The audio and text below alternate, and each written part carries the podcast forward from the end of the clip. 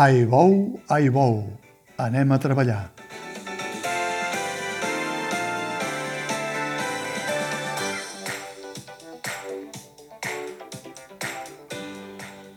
Hi ha pocs personatges de ficció tan volumiosos,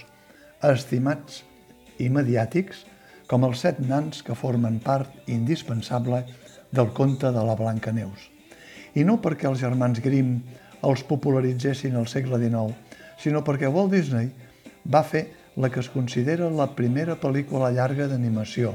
l'any 1937, estrenada el 1938 i que, superades les primeres dificultats, va ser un espectacular èxit de recaptació de l'època. No cal dir que les adaptacions cinematogràfiques dels contes clàssics rebaixen el to malvat de la veu popular d'on procedeixen. Un cas evident és el de la Blancaneu, la madrastra de la qual, en la primeríssima versió, diuen que era sacrificada fins a morir ballant dins d'uns esclops de ferro roents. Els mateixos Grimm van suavitzar noves versions i Disney es va encarregar d'oficialitzar la definitiva. Cap, però,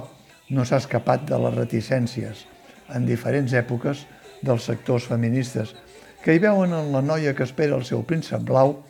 una rebaixa de la dona com a objecte de submissió, un culte a la bellesa sense excepcions.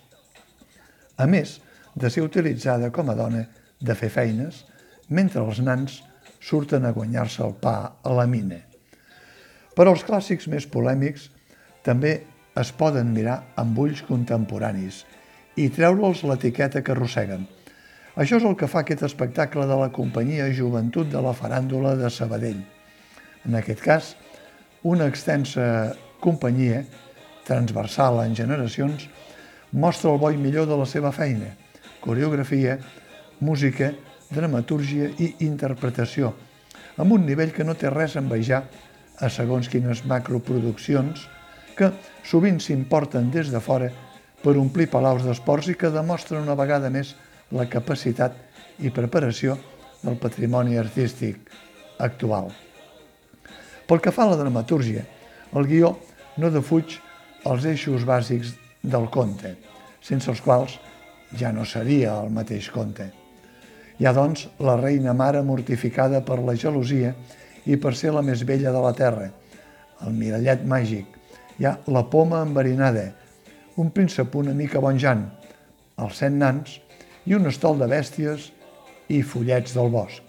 Això permet que la trama s'expliqui no només amb els diàlegs, sinó també amb les lletres de les cançons, clarament intel·ligibles per tot l'auditori, i que reuneixen una diversitat d'estils, des del pop al hip-hop o la música celta, amb intervencions corals, combinades amb el cos de ball,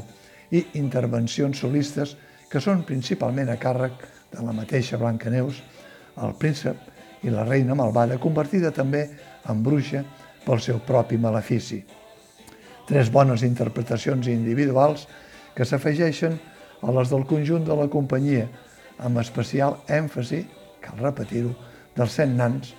que no estalvien unes tonades a la popular cançó Hi Ho, que els identifica i que qui més qui menys sap taralejar, ni que estigui a l'atur i no pugui sortir a treballar cada matí. Hi ha dos moments esclatants durant l'hora i mitja de l'espectacle que se segueix pels petits espectadors amb la passió que la lluita entre el bé i el mal promou des de molt avall. L'aparició dels set nans, amb alguna escena dedicada especialment a ells sols, perquè és un dels ganxos de la trama, i la mossegada fatal de la poma, rebuda amb os espontanis, de la mateixa manera que se celebra el seu retorn a la vida després del petó del príncep, ep,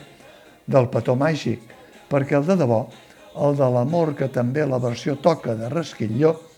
tant amb l'enamorament platònic dels set nans com amb l'enamorament més convencional del príncep,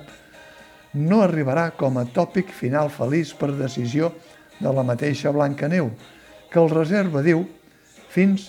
que s'oficialitzi l'enllaç matrimonial. Clàssic sobre clàssic, doncs, ni que sigui amb la doble intenció de motivar,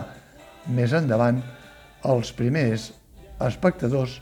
l'esperit de portar la contrària a la moralitat establerta.